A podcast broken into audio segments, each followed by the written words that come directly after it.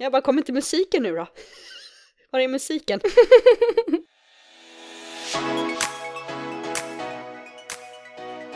Hej och välkomna till Bakom fasaden med mig Elsa. Och mig Henrietta. Bakom fasaden är vår podcast om arkitektur, design och allt däremellan.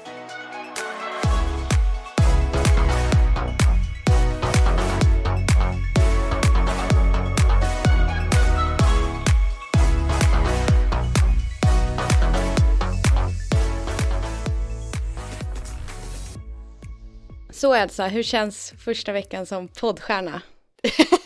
det känns jättekul faktiskt. Jag tycker det har varit väldigt eh, roligt och det har framför allt varit så kul med alla som har skickat en snäll kommentar. Jag har blivit så glad verkligen. Eh, väldigt peppande. Ja. Själv då? Jag håller helt med. Ja, det har verkligen varit jätteroligt att eh, få höra folks eh, feedback och kul att den framförallt varit positiv. Ja. Idag kommer vi kanske inte prata lika mycket om eh, något gammalt.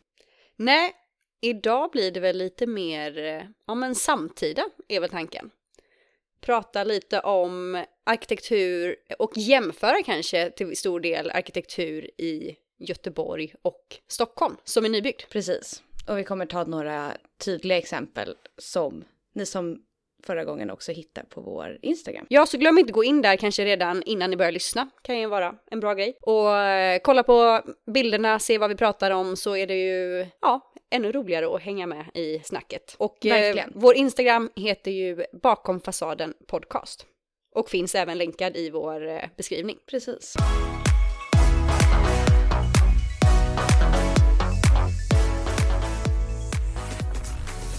Men eh, lite som vi var inne på då redan förra veckan så är det ju så att en av de vanligaste grejerna som folk säger när man säger att man jobbar som arkitekt är Aha, okej, okay. vad tycker du om det som byggs nu? Eller vad tycker du om XYZ byggnad? Eller vad tycker du om allt det, ja, som en ny stadsdel, en ny plats? Det är väldigt mycket frågor om det som vi omger oss med och som är nytt helt enkelt. Verkligen. Ja, och en vanlig plats som göteborgare tycker jag är att folk frågar om Järntorget. För där har det den senaste tiden blivit flera nya byggnader och framför allt nya byggnader som är väldigt höga. Det är flera stycken flervåningshus på lite olika platser och alla de byggnaderna har ett ganska speciellt utseende får man ändå säga. Men, men när folk frågar dig det här, ja. Känns det som att de är ute efter någonting särskilt? Alltså, tror du de väntar sig ett särskilt svar från dig? Eller tror du att de är helt neutrala i sin frågeställning? Nej, alltså det är ju absolut att det ställs med eh, frågan, eh, jag tycker inte om det som byggs idag, vad tycker du? Alltså det är absolut känns ja. som inställningen när folk frågar om modern arkitektur idag. Eller vad känner du? Känner inte ja. du samma sak? Ja, men det kan jag också hålla med om. Framförallt om frågan öppnas med vad tycker du om arkitektur som byggs idag? För att det är så som brevfråga, att då finns det oftast en bakomliggande åsikt kanske. Gud ja, nej men det tycker jag och jag menar, det är ju lite som vi pratade om redan förra avsnittet också att det är ju en pågående debatt i samhället om modern arkitektur och det som byggs idag. Det känns verkligen som att många har åsikter och inte är så nöjda med det som byggs. Nej, det är verkligen sant. Samtidigt, folk kanske alltid har haft åsikter om det som byggs. Det påverkar ju alla så mycket. Absolut, nej men så är det ju. Det är väl bara att vi som, alltså det är väl bara det att vi när vi tittar tillbaka på det gamla ofta tycker väldigt mycket om det och då blir det nya i kontrast till det, något kontroversiellt kanske och så vidare. Mm.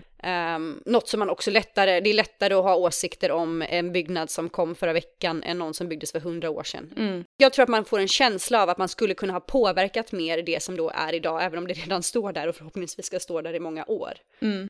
Om man tycker att det är dåligt, det som precis har byggts, och klagar på det så kanske man kan förebygga nästa. Kan jag tänka mig är liksom nästa sak som byggs då. Alltså. Ja men det tror jag också, absolut. Men eh, Järntorget. Jag har dålig koll på Järntorget. Det känns som att jag varit där men. Eh... Du har antagligen varit på så tänker jag.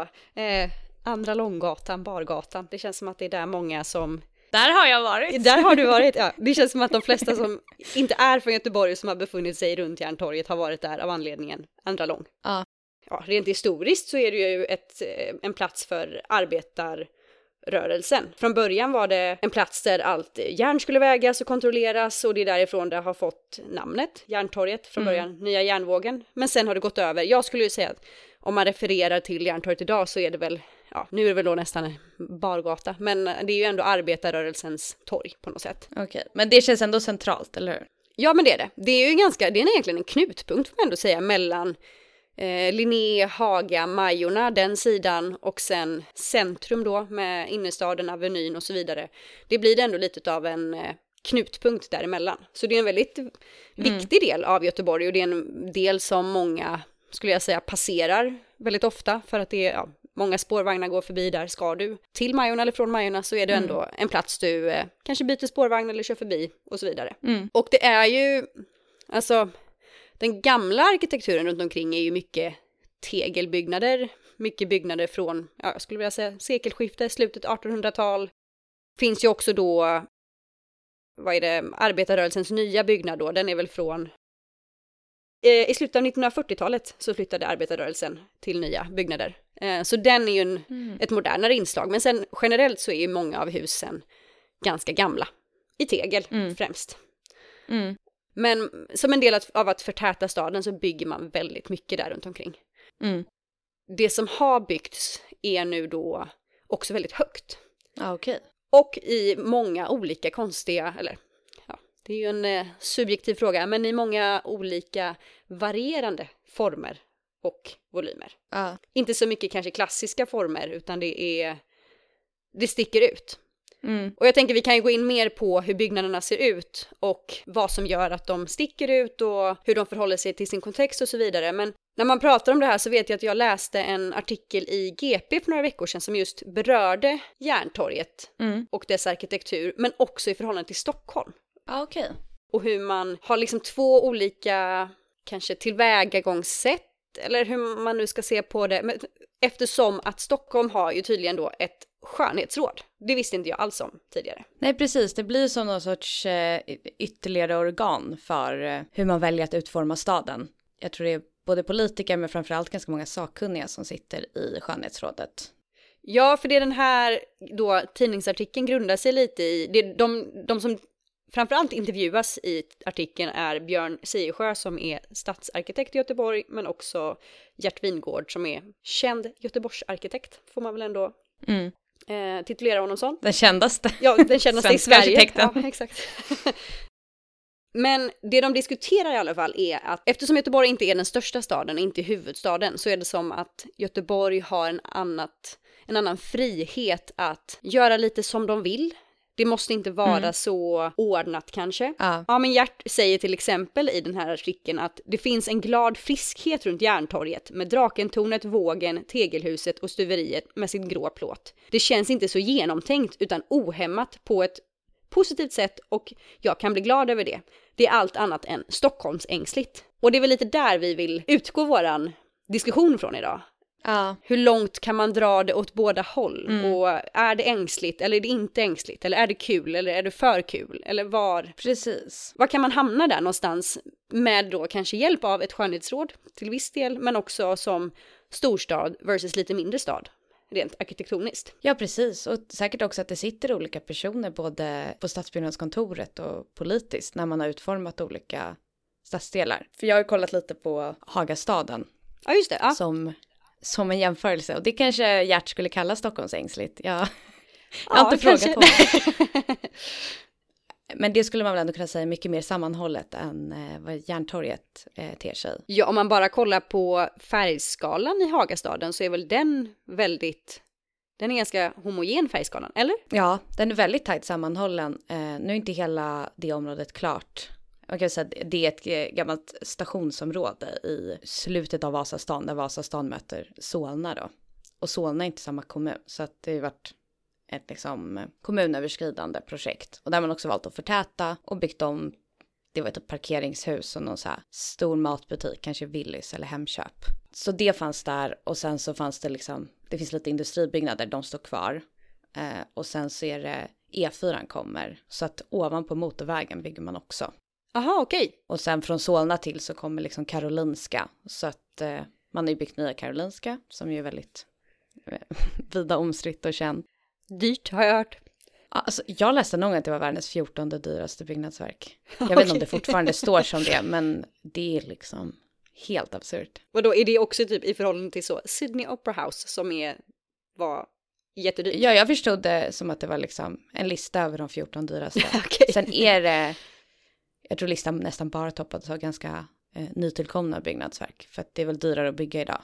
Ah, okay. Över hela ah, världen. Mm. Men, eh, nej, men det är Nya Karolinska och liksom ett sjukvårdsområde, det är forskning, Karolinska institutet, man vill ha typ life science-kontor. Det blir lite som att Hagastaden är mitt emellan eh, gamla industribyggnader som har varit mer eh, ja, men kontor. Jag vet min mamma satt i ett av de kontoren.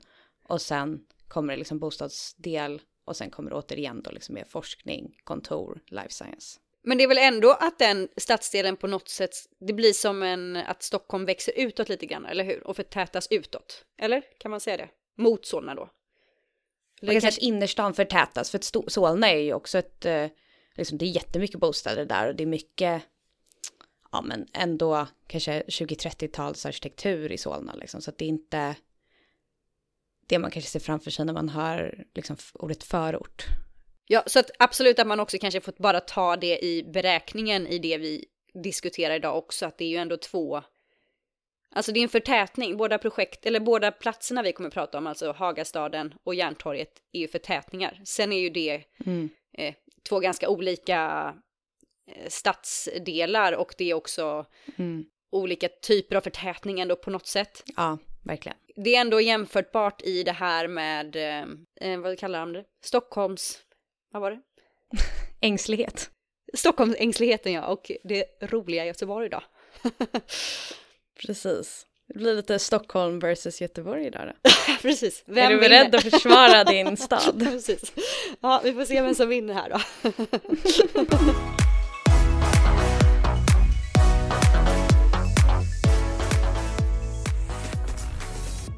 Ja, men ska vi gå tillbaka då till Järntorget och bara prata lite om de byggnaderna som, som är där? Mm, absolut. Jag tänker, man kan ju börja med Draken egentligen. Draken är ju ett nytt hotell, ett av Petter Stordalens nya hotell.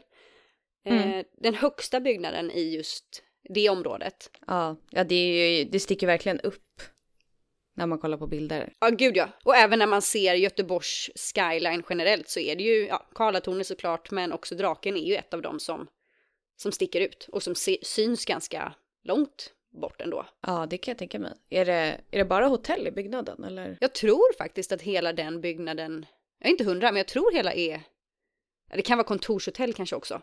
Och högst upp är det ju då skybar och restaurang.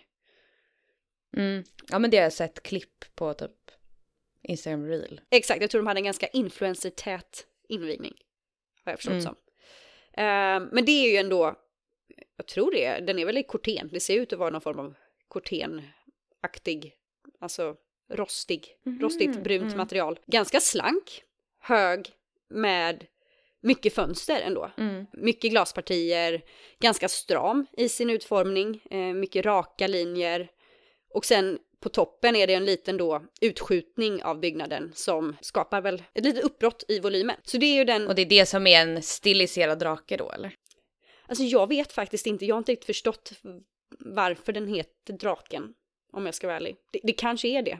Eller jag vet inte om det ska se ut som, jag har en tanke och det kan ju vara så att fasaden ska se ut som typ drakskinn. Jag vet inte om det är det, att det ska vara lite som fjäll.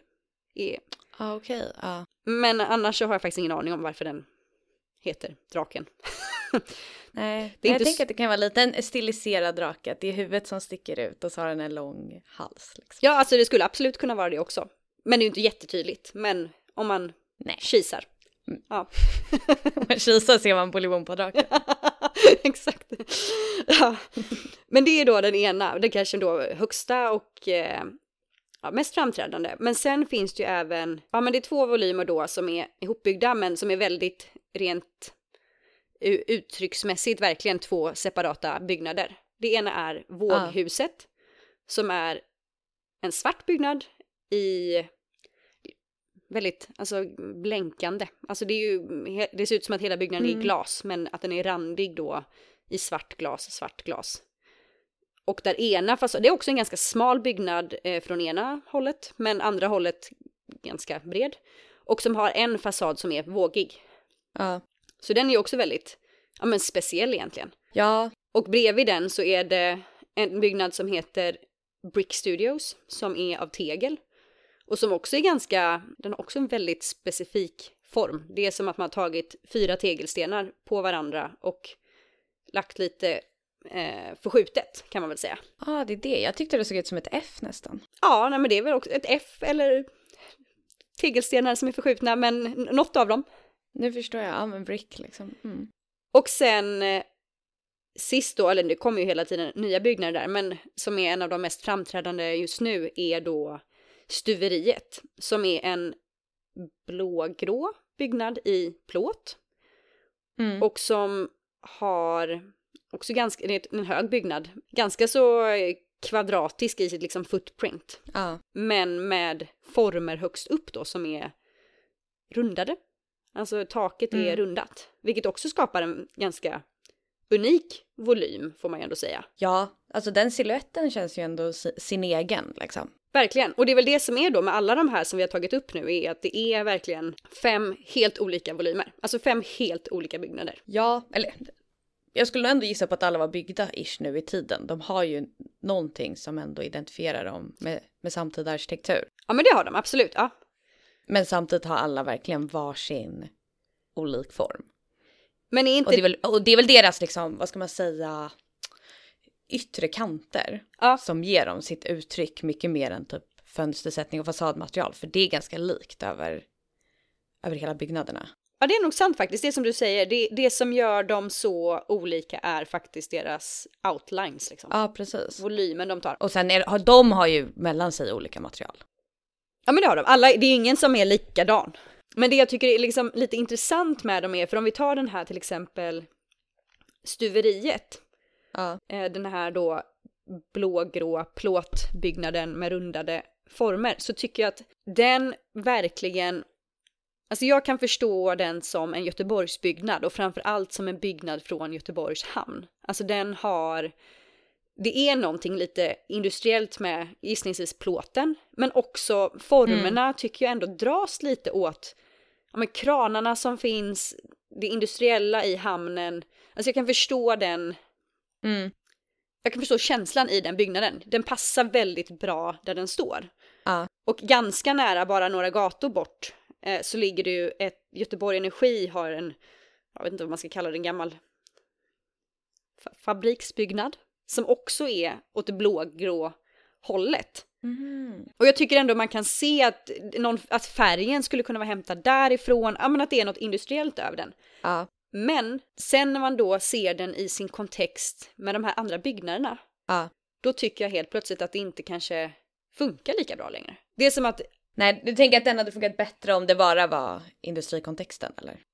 Ja, alltså typ det kanske bara hade varit tegelbyggnader runt omkring gamla industriella på något sätt och den, då hade den verkligen varit en udda och utstickande volymen som hade passat in i sin kontext ändå. Men nu blir kontexten mm. Eh, fyra andra byggnader i annan färg, form, material. Att det liksom, den här blir bara en del av någon större röra. Mm. Alltså, är du med på vad jag menar där? Ja, alltså, nu har jag inte helt säkert varit på platsen, men när jag ser bilder så kan jag känna lite att någonstans så, att alla volymerna tar så mycket i anspråk kanske med sin outline gör att ingen helt sticker ut. Och Exakt. de kanske hade förtjänat att få sticka ut, de kanske hade varit bättre då.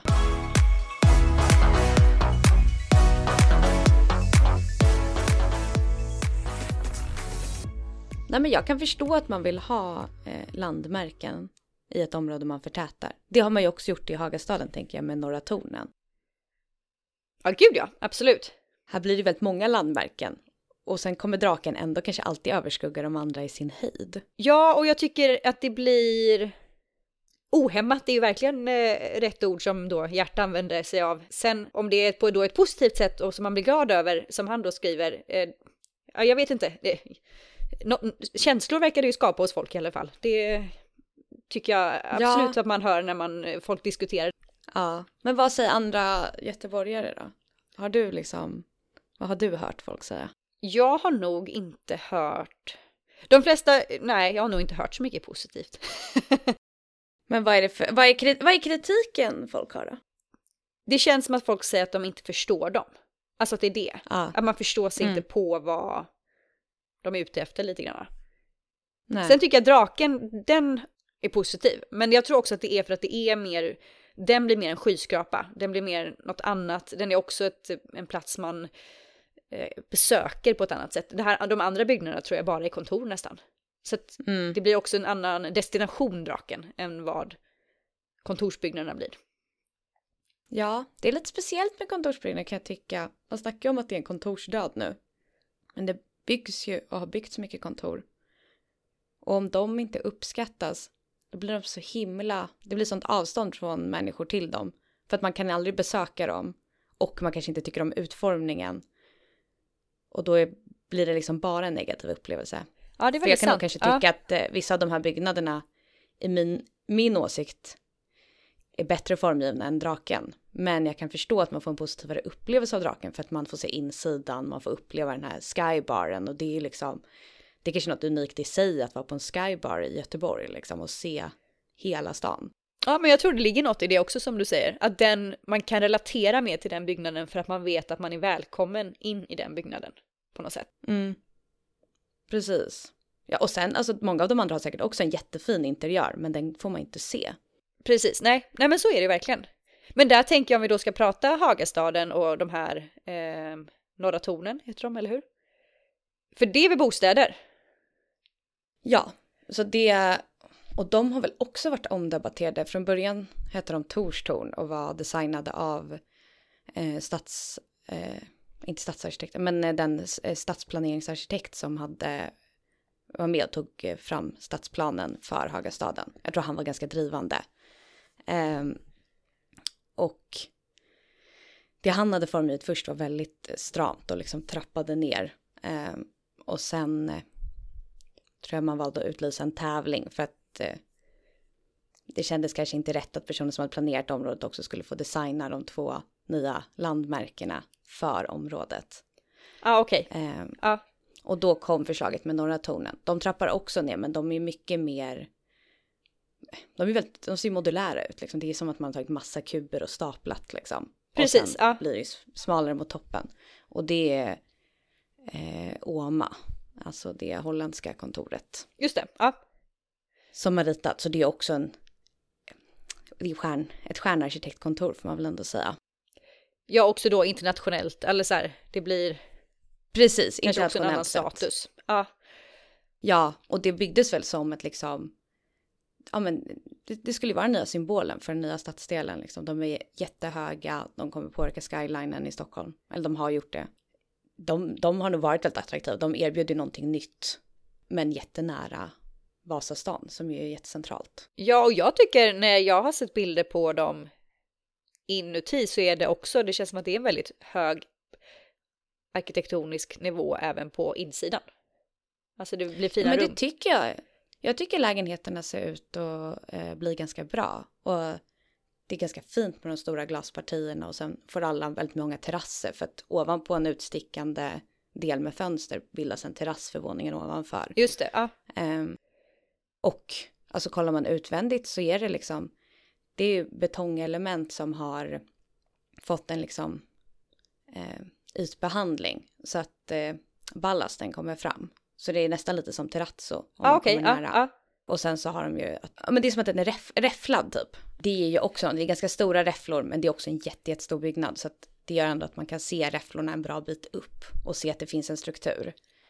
Eh, så det tycker jag också så att det, det håller ändå en hög kvalitet på så sätt. Sen finns det ju jättemånga som ändå inte gillar dem för att de är ju väldigt moderna och, och samtida liksom. Det, Vad tycker du om dem som, som byggnader då? Jag tycker nog nästan att de är bättre på ett sätt på nära håll. För att då ser man ändå så här materialiteten, man ser att det ändå är genomarbetat. Men när man ser dem på håll, liksom som en del av Stockholms skyline. Jag tycker de är lite klumpiga. Alltså jag hade, jag hade nästan velat ha dem ännu högre för då hade de blivit smäckrare upp mot toppen. Just det, ja. Eller, eller om de då hade varit lite smalare. Eh, de är ganska smala på ena ledden men på den sida där de trappar är de inte lika smala. Och då tycker jag de ser lite klumpiga ut. Ja. Det är något som känns lite avhugget. Sen kan man diskutera hur platsen, hur man har tagit hand om platsen runt omkring. Det, det har man kanske inte riktigt. Jag vet inte, det... Ja, för det är ju det som är det svåra med höghus generellt. Och jag vet, jag håller med, när man är vid de norra tornen så tycker jag att, jag tycker väldigt mycket om dem faktiskt. Jag ser dem väl inte tillräckligt ofta kanske för att tänka på smäckerheten. Alltså om de skulle varit lite, så sällan som jag ser dem så tycker jag om dem i sin silhuett och design. Däremot tycker jag att mm. de inte landar på marken. Alltså det som, jag tycker det ser ut som en person som har glömt sätta på sig strumpor och skor. Alltså den saknar, de har bara tagit de här lådorna ja. och ställt dem på marken också. Man skulle behövt ha en, en bas, någonting som grundade byggnaden lite grann, tycker jag då.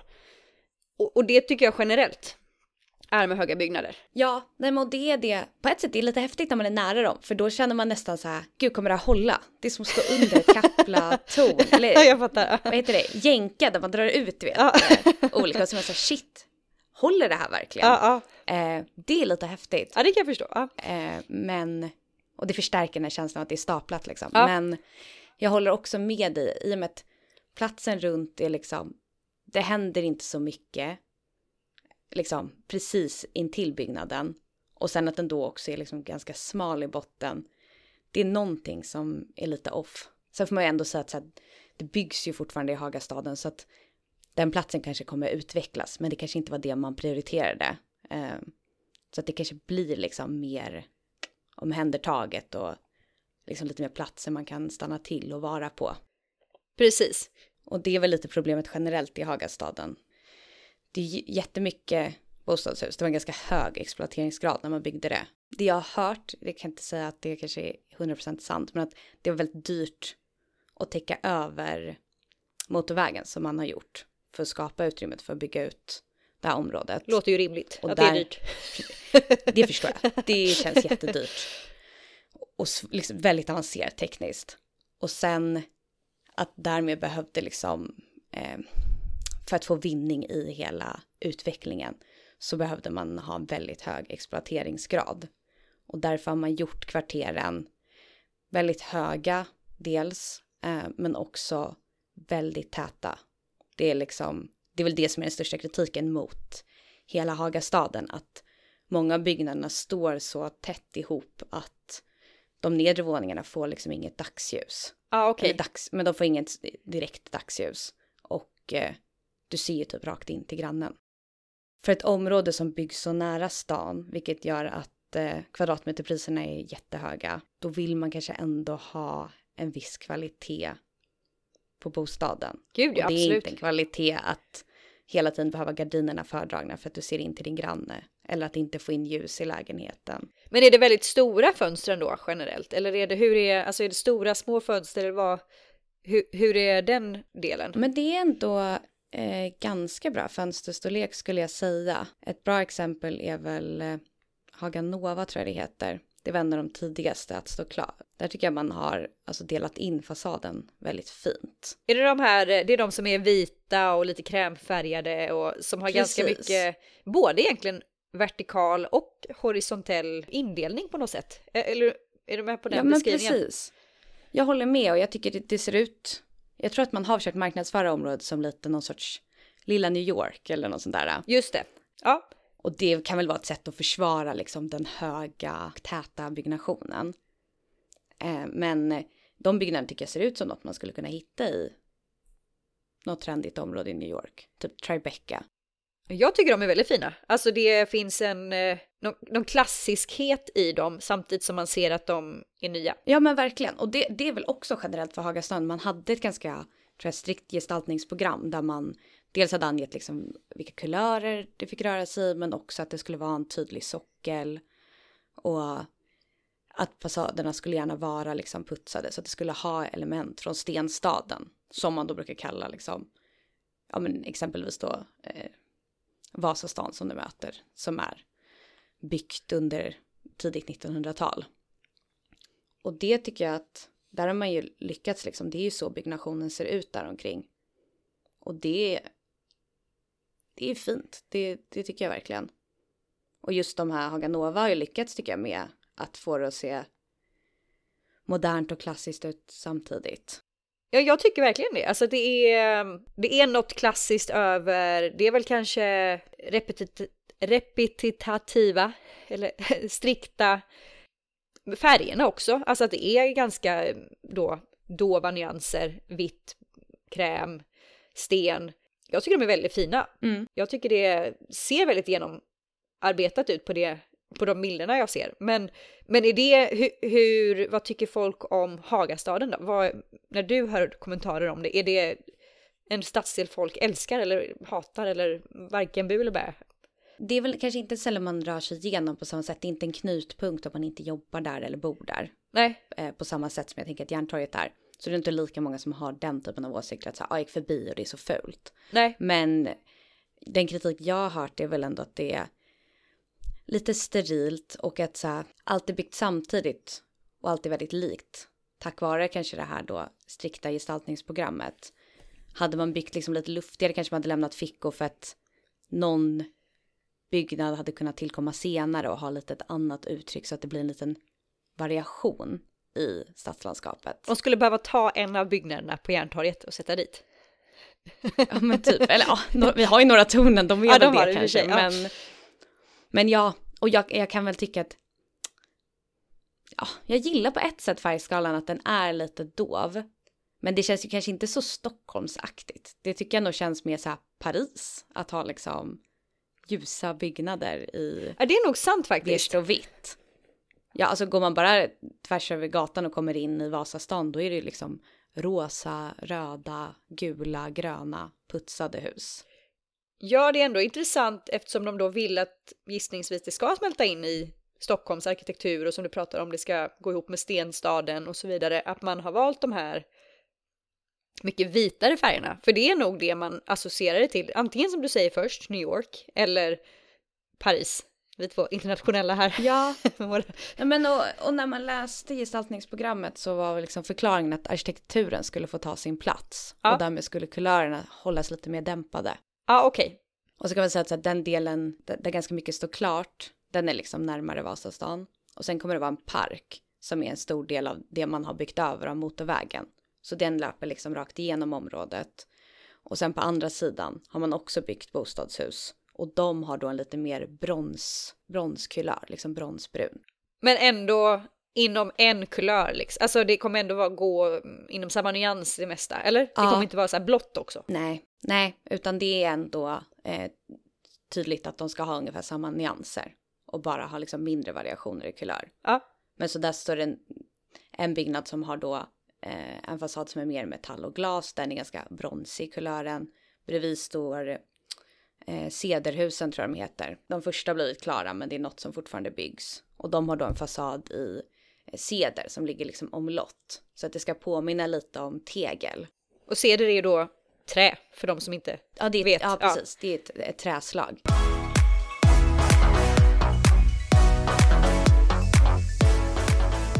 Det jag kan ändå känna med Hagastaden om man kollar på arkitekturen är ju att alla byggnader är på något sätt väldigt lika. Det är en mindre variation och det är nog för att detaljplanen har styrt dem till att alla kvarter har fått ungefär samma form och ungefär ja. samma och mindre variationer i byggnadshöjd. Och jag kan förstå att därmed kommer kritiken när man besöker det området att man känner att så här, allt ser likadant ut. Ja, det kan jag nog också. Jag har inte. Jag vet att jag varit där och gått runt lite grann, men bara typ i kanten av det, typ runt Norra Tornen. Ja men det jag har sett och, framför, men, och framförallt det jag ser på bilder är väl också att jag tycker väldigt mycket om de arkitektoniska kvaliteter i fasaderna som kommer fram tack vare att man har satsat på det. Mm. Så, så jag, jag, kan ju också se det här som du sa, att man då drar ner eh, på färg och så vidare och låter arkitekturen prata. Mm. För det är ju väldigt mycket som händer i fasaderna utan att det är galet på något sätt. Det är väldigt ogalna fasader. Det är bara att det ja. händer mycket, det är mycket spel, mycket djup i dem, vilket är väldigt fint, mm. tycker jag då personligen. Mm. Men jag kan förstå att när det blir en större stadsdel, att det kan skapa kanske, eh, Att det blir lite monotont. Jag vet inte. Jag har inte Ja, och frågan det. är, är variationerna nog stora mellan de olika fasaderna kanske? Just det. För ja. att känna att, att husen får sin tydliga identitet. Och Ja.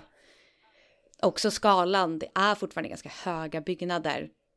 Jag, jag tycker också att fasaderna är fina, men, men gör de nog mycket liksom? Men då är frågan, jag tänker typ Stockholm generellt är ju väldigt mycket putsade hus i orange, rosa, gult.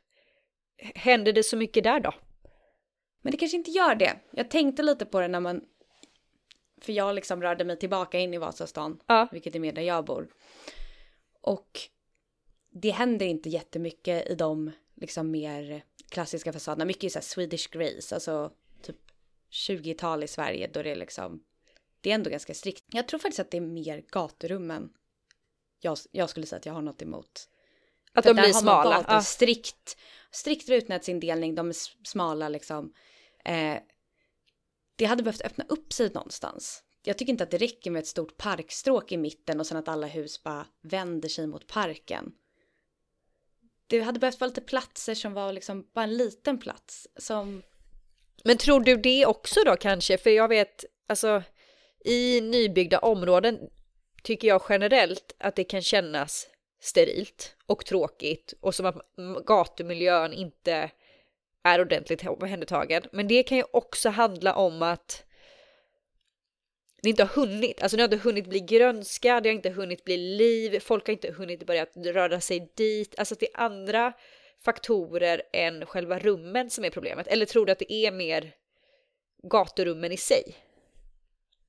Jag tror att det är både och. Ja. Alltså det tänkte jag ändå mycket på att sen, för nu är ju verkligen inte parken klar. Nej. Och parken blir ju något av det sista som är klart för att den ligger ju just där man byggt över motorvägen.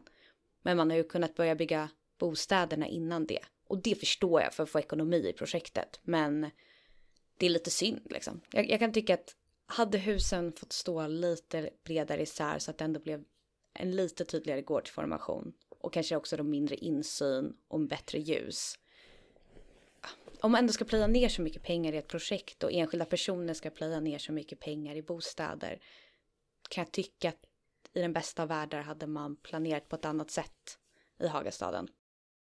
Jag kan känna lite när jag kollar på Hagastadens detaljplan att det känns som att så här, den hade kunnat gå ett varv till och då hade man bara gjort lite små förändringar. Så här, här tog vi bort ett av torn och skapade ett litet, litet torg med plats för uteserveringar för att släppa in lite mer ljus.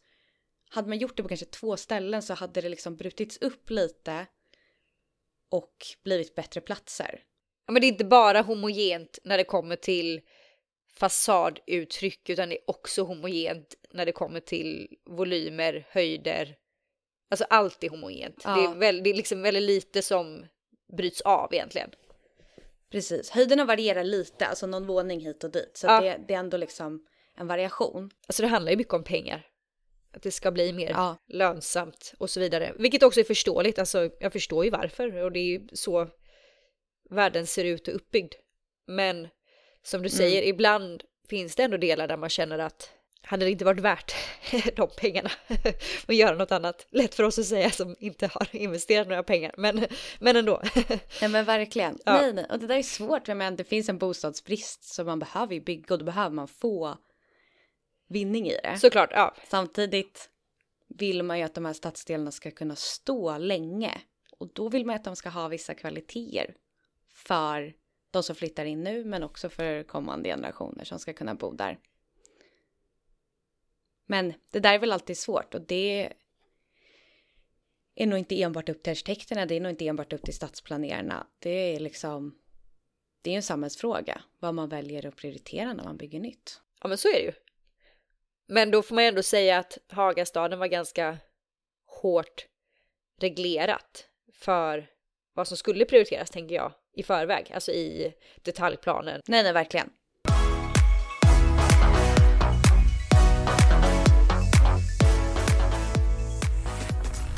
Jag kan förstå Gerts kommentar om att det kanske finns något ängsligt i vad man har valt att göra med Hagastadens arkitektur. Alltså att man har försökt att eh, plisa både de som vill ha det mer klassiskt och de som vill ha det mer samtida och som har valt en ganska neutral färgskala som är jätte liksom fin på renderingar och jättefin när det är liksom massa grönska runt som ger färg. Men mitt i vintern när allt är grått och tråkigt, då kanske inte nyanser av vitt och beige är det folk liksom älskar att se. Nej, samtidigt som jag vet inte, ja, man kanske blir jättemycket gladare när man går på Järntorget än när man går i Hagastaden, vad vet jag.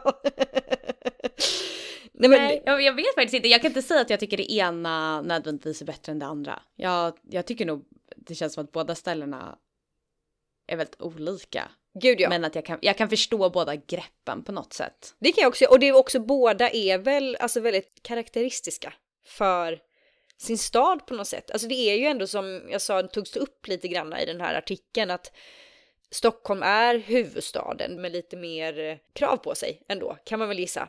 Medan Göteborg blir mm. lillebror som kan göra lite mer vad man vill. Eh, mm. Som inte... Det är också en hamnstad, jag tror det är jättestor skillnad. Alltså redan ja. arkitekturen i hamnen, alltså jag menar alla de här...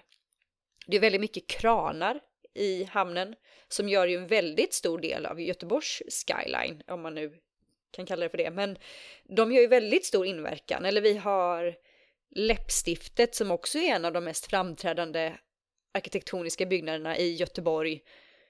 Med sin, ja det har liksom en röd bas, vitt i mitten, röd topp och så en ganska speciell eh, form då som gör att det ser ut som ett läppstift. Alltså, det finns väldigt mycket arkitektur redan där som eller inte arkitektur bara då nödvändigtvis, jag pratar ju även om de här kranarna eller varven och så vidare. Så att det som händer på Järntorget kanske bara är en del av en större struktur i stan. Ja, nej, men jag håller med och kollar man ut över Stockholms skyline så hur Stockholm möter vattnet jämfört med hur Göteborg möter vattnet är ju helt olika. Gud liksom. ja. ja. Stockholm har ju den här liksom, om man kollar eh, Norr liksom. Det är byggnader som är ganska strikta, går ut mot vattnet. Ja, de är ganska lika nog. Hur byggnaderna i Hagastaden radar upp sig och då möter den här parken som ligger i mitten. Så att man kan absolut se det som att det kanske är lite representativt för staden. Och att det skulle vara ängsligt vet jag inte om jag skulle hålla med om. Det, är, det är kanske bara två helt olika städer som har fått väldigt olika arkitektur på ett makroplan. Och vill man följa det när man bygger nytt då, då blir det ganska olika. Gud ja, absolut. Och det kanske är det härliga att Stockholm och Göteborg har olika kvaliteter, skapar personer med olika kvaliteter. Ja, precis. Som oss. Som oss två. Två helt olika personer.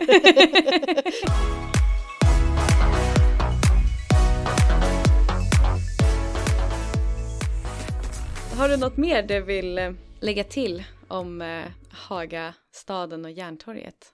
Eller byggandet i Stockholm versus Göteborg? Nej, egentligen inte. Jag tycker att det har varit, alltså jag tycker faktiskt bara genom vårt samtal nu att jag har fått en lite, ja, en annan bild på städerna i sin, i ett större perspektiv.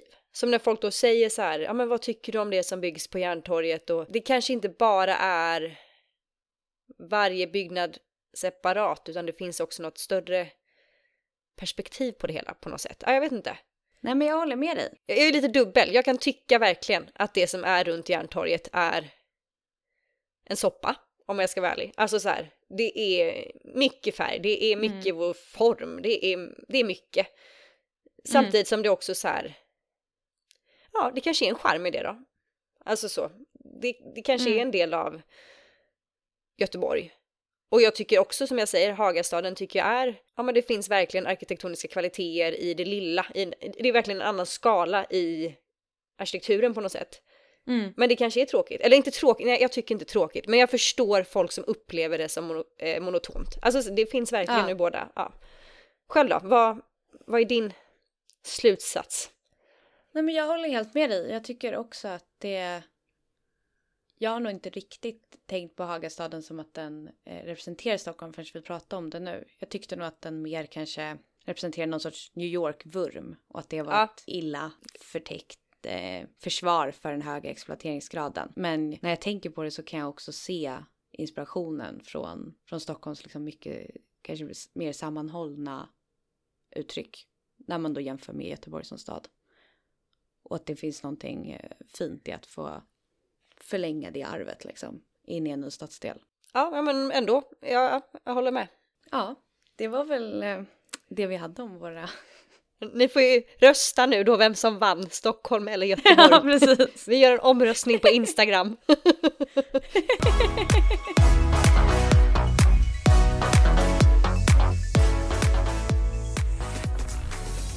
ja men okej Aneta, om vi ska avsluta det här avsnittet då med ja men ett litet tips som vi gjorde även förra veckan.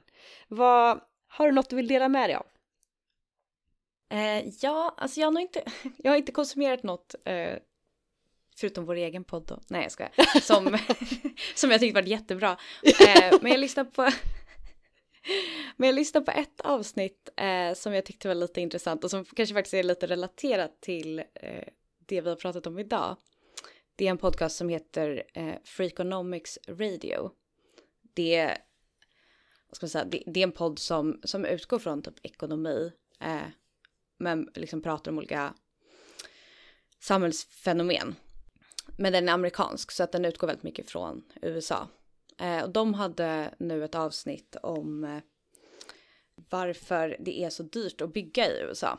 Jaha, okej. Okay. Och det tyckte jag var ganska intressant till viss del för att det är ju liksom jämförbart med, med Sverige eller resten av världen. Liksom det blir dyrare att bygga. Eh, men i USA hade liksom lönsamheten gått ner, vilket var ganska eh, förvånande för att de flesta andra industrier har ju blivit mer lönsamma eh, i takt med att vi har liksom utveckling inom teknik.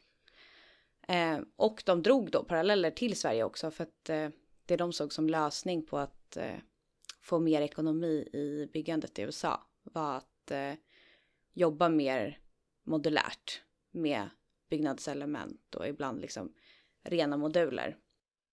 Så de bara, vi tittade på eh, miljonprogrammen i Sverige och tyckte 10 av 10. Nej men faktiskt, alltså vi är ju ännu mer modulära nu än vad vi var under miljonprogrammet. Då fanns det kanske typ 18 tror jag, olika betongsystem. Idag tror jag vi har två stora. Jaha, okej. Okay. Ja, det är ju jättestor skillnad. Det var intressant att lyssna på. Det, det, det är kul att höra om byggandet utifrån ändå mer ekonomiskt perspektiv. Okej, okay. spännande. Det ska jag verkligen eh, lyssna på. Ja, det får du göra. Ja, men det ska jag göra. Ja. Har du något tips, Elsa? Kanske något som är lite mindre torrt än mitt. ja, det här är ju ett helt annat ämne. Men eh, jag har ju då ett mattips. Och ett väldigt okay. specifikt tips. Jag tänker så här, nästa gång ni vill göra kanske en extra god frukost, extra god brunch, vad man nu vill göra, och ska äta amerikanska pannkakor. Eller mm. faktiskt ännu hellre French toast eller fattiga riddare som det heter på svenska. Då är mm. tipset mm. att man ska ha på Nutella, banan och det är ju, jag vet, vi är inte på något revolutionerande tips än.